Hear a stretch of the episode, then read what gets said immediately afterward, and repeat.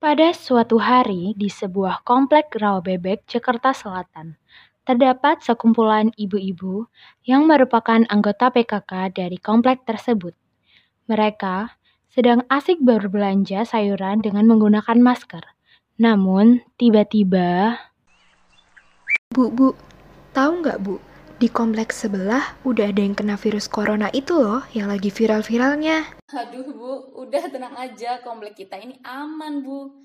Pokoknya bu, kita rajin beribadah, berdoa, dan percaya sama keyakinan kita. Dan gak lupa untuk pakai masker jika keluar rumah dan selalu cuci tangan sehabis bepergian. Kalau ibu-ibu sudah melakukan hal tersebut, dijamin deh aman. Tapi bu, kan lebih baik kita juga harus waspada mulai dari sekarang. Jangan menganggap remeh bu. Sudah, sudah ibu semuanya. Benar apa kata Bu Ana, lebih baik kita waspada mulai dari sekarang. Dengan jangan keluar rumah dulu, rajin cuci tangan. Bila memang perlu keluar rumah, ya gunakan masker. Itu sudah yang terbaik, ibu-ibu. Nah, benar itu. Ya sudah, ibu-ibu semuanya, saya mau kembali dulu. Keburu suami dan anak-anak kelaparan. Mari ya, Bu ya. Esokan harinya, ketika matahari sedang panas-panasnya, terdengar gelak tawa dari arah luar rumahnya. Lalu, Bu Ana pun keluar rumah untuk melihat keadaan. Di sana, Bu Ana melihat Bu Ini bersama Bu Nana dan Bu Nur sedang berbincang ria tanpa menggunakan masker. Bu Ana keluar menghampiri Bu Ini dan yang lainnya untuk mengingatkan mereka bahwa tidak seharusnya mereka berkumpul tanpa menggunakan masker. Namun, Bu ini dan yang lainnya menghiraukan kata-kata Bu Ana, dan terjadi perdebatan kecil antara mereka. Kebetulan, Pak Kades lewat dan melihat kericuhan yang terjadi di tempat tersebut. Lalu, beliau menghampiri sekumpulan ibu-ibu tersebut. Permisi ibu-ibu, ada apa ya kok ribut-ribut begini? Ini loh Pak, Bu Ana. Masa kita keluar tidak jauh dari rumah tanpa menggunakan masker saja diributkan? Gimana ini Pak? Gini loh ibu-ibu, seharusnya ibu-ibu mematuhi peraturan pemerintah tentang social distancing. Jadi mengapa ibu-ibu berkumpul di sini dan tidak menggunakan masker? Akhirnya, mereka pun diam membisu karena bingung harus jawab apa. Dan juga peraturan tersebut sudah dikeluarkan sejak kemarin. Satu minggu mereka lewati dengan tetap berada di rumah. Namun, banyak juga warga yang merasa jenuh karena ya bosan di rumah saja. Yang biasanya berpergian belanja dan lain-lain, kini hanya di rumah. Jika tidak begini, maka akan bahaya bagi kesehatan mereka. Satu saja yang kena dan tidak terdeteksi secepatnya, maka akan beribu-ribu pula yang kena. Sabtu pagi ini, ibu-ibu PKK berkumpul untuk membeli sayur yang akan mereka olah untuk berbuka puasa nanti. Assalamualaikum ibu-ibu cantik. Kenapa kok tumben merenggut semua toh? Ini loh Pak, saya jengkel sama pemerintah. Sudah melakukan social distancing, kita tidak boleh keluar rumah lagi. Kerja pun diliburkan. Eh parahnya lagi, suami saya nih Pak, gajinya dipotong gara-gara corona. Dan lagi, masa kita harus beribadah di rumah? Sudah nggak boleh mudik, sekarang kita nggak boleh terawih lagi di Loh, masjid. loh, loh. Ibu Winnie ini kok ngomel-ngomel begitu? Bu, saya kasih tahu ya Bu. Memang, adanya pandemi virus corona ini membuat semua tak hanya warga rawa bebek saja. Namun, warga Indonesia juga susah. Berbagai macam masalah dihadapi. Mulai dari bangkrut, gaji dipotong, PHK, dan lain-lain. Namun, dengan adanya social distancing ini kan juga ada untungnya buat kita sekarang coba kalau misalkan pemerintah atau presiden tidak menyatakan social distancing, terus ternyata ada yang positif di sebuah kerumunan itu, namun mereka tidak tahu. Kan kasihan yang lainnya, jadi menyebar dan makin banyak korban, seperti halnya terawih, Bu. Namun, bila tetap dipaksakan, takutnya seperti yang saya bilang tadi, bisa saja salah satu di antara jemaah yang terawih ada yang positif, namun kita dan dia tidak menyadari, kan jadinya tidak tahu. malah berabe, Bu. Nah, itu saya setuju tuh, Pak. Walaupun kadang saya juga masih sedikit pangling dan merasa aneh hanya tarawih bersama keluarga di rumah saja, tapi saya tetap mencoba bersyukuri karena dengan begini saya dan keluarga dapat aman dan mengurangi adanya penyebaran corona. Saya sih tidak mau begitu, Bu. Bukan hanya aneh dan pangling, tapi saya rasanya tuh nggak enak kalau nggak terawih di masjid. Jadi saya akan tetap terawih di masjid. Ibu-ibu PKK yang lain bagaimana? Mau ikut saya atau seperti Bu Ana?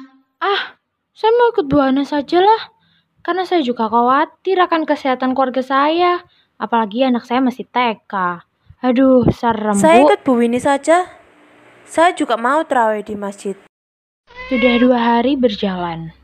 Mereka tetap dengan keyakinan mereka, yakni terawih di rumah dan juga ada yang di masjid, dengan alasan yang tak jauh berbeda. Namun, tiba-tiba saat sedang terawih, polisi keliling ditemani kepala desa setempat untuk memastikan bahwa semua warganya tetap di rumah, aman, dan melakukan ibadah di rumah.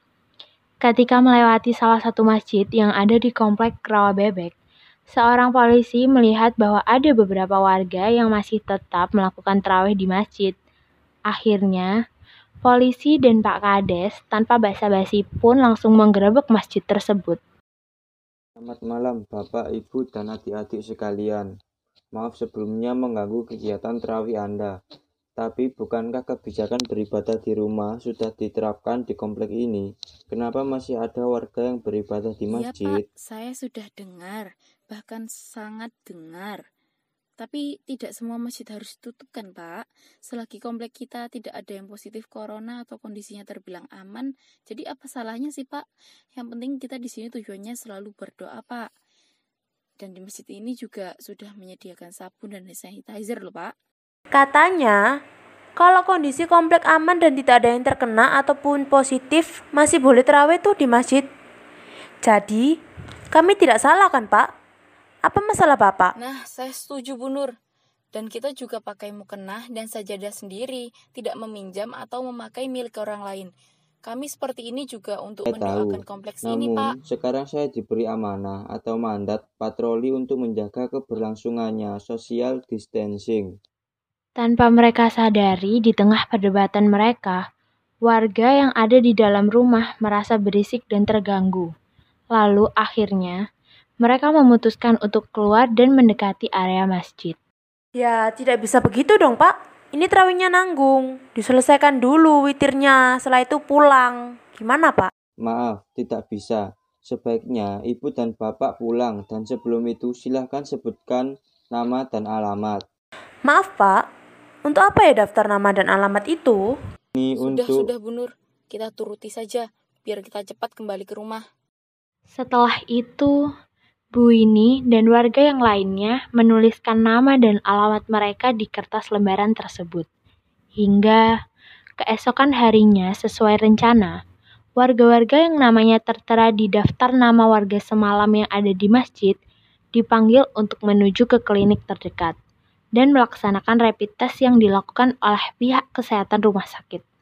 Segala tes pun dijalani dengan tenang, mulai dari tes pertama hingga akhir. Dan rapid test pun selesai. Seluruh warga disuruh untuk tetap menunggu hasilnya dengan sabar. Dua jam berlalu, akhirnya hasil pun keluar. Dan betapa mengejutkannya, ternyata Nama yang saya panggil harap segera menemui saya di ruangan. Bu ini Pak Aksan. Anak Adit segera menemui saya di ruangan. Lalu mereka pun masuk dengan percaya diri dan warga yang lainnya di luar pun bertanya-tanya mengapa Bu ini dan keluarganya dipanggil. Namun kericuhan itu pun berhenti karena ada teriakan dari petugas Tolong kesehatan. hubungi ambulans sekarang. Mohon warga yang ada di ruangan ini untuk mengenakan masker yang sudah disediakan petugas kesehatan. Tak lama, Bu ini dan keluarganya pun keluar. Dan betapa terkejutnya warga yang ada di sana karena Bu ini keluar dengan wajah pucat dan gelang merah pasien melingkar di tangannya. Tak hanya Bu ini, namun juga suami dan anaknya. Lalu mereka pun segera dibawa naik ke ambulans. Sontak, seluruh warga yang ada di situ terkejut dan bingung. Sepertinya sudah ada yang tahu dari maksud menghubungi ambulans.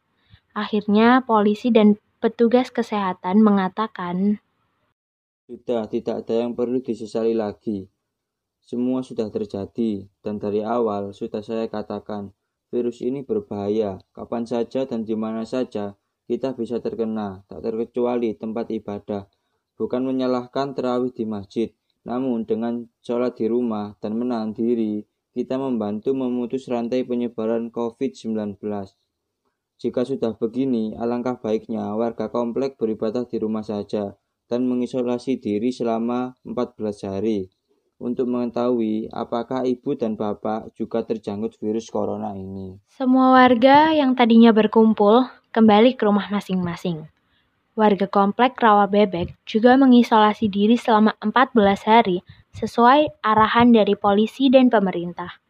Kabar korban meninggal di komplek Rawa Bebek tersebar luas hingga ke telinga Nina, saudara dari Bu Ana. Assalamualaikum. Waalaikumsalam. Keluargamu sehat semua kan? Alhamdulillah sehat. Keluargamu sehat juga kan? Alhamdulillah sehat sampai sekarang. Hei, aku sudah mendengar kondisi komplek rumahmu. Korban COVID. Oh, itu almarhumah bandel. Soalnya sering keluar rumah tidak pakai masker. Terakhir, almarhumah nekat sholat tarawih di masjid. Nah, itu yang bikin heboh. Tarawih jamaah di masjid memang rawan penyebaran COVID. Tapi kayaknya almarhumah sudah lama terjangkit deh. Soalnya kan untuk terdeteksi reaktif corona itu minimal 14 hari, sedangkan meninggalnya 2 atau 3 hari setelah rapid test. Tapi yang dipercaya orang-orang, almarhumah meninggal karena sholat tarawih di masjid. Padahal justru almarhumah yang berpotensi menebarkan COVID. Ya sudah, berarti memang tahan dulu. Nggak usah tarawih di masjid dulu deh. Sama-sama rawan, mending cari aman. Oh iya, tahun ini aku nggak pulang ya. Mau stay di rumah sampai statusnya aman. Ya, sepertinya aku juga lebaran di sini aja. Masalah mak sama bapak paling juga ngerti kalau kondisi sekarang gak memungkinkan buat mudik. Kita video call aja nanti bareng-bareng. Siap, atur aja. Nah, teman-teman, dari cerita barusan kita bisa tahu kan kalau ternyata virus corona yang tak terlihat ini sangat berbahaya. Kita masih tetap bisa belajar, bekerja, dan beribadah di rumah. Di masa pandemi ini, semua dilakukan secara online. Tausiah atau ceramah online, gereja online, bahkan baru-baru ini Hari Raya Waisak pun dirayakan juga online loh. Ini semua kita lakukan untuk memutus rantai penyebaran COVID-19 ini. Tetap jaga kesehatan ya teman-teman. Stay safe and healthy.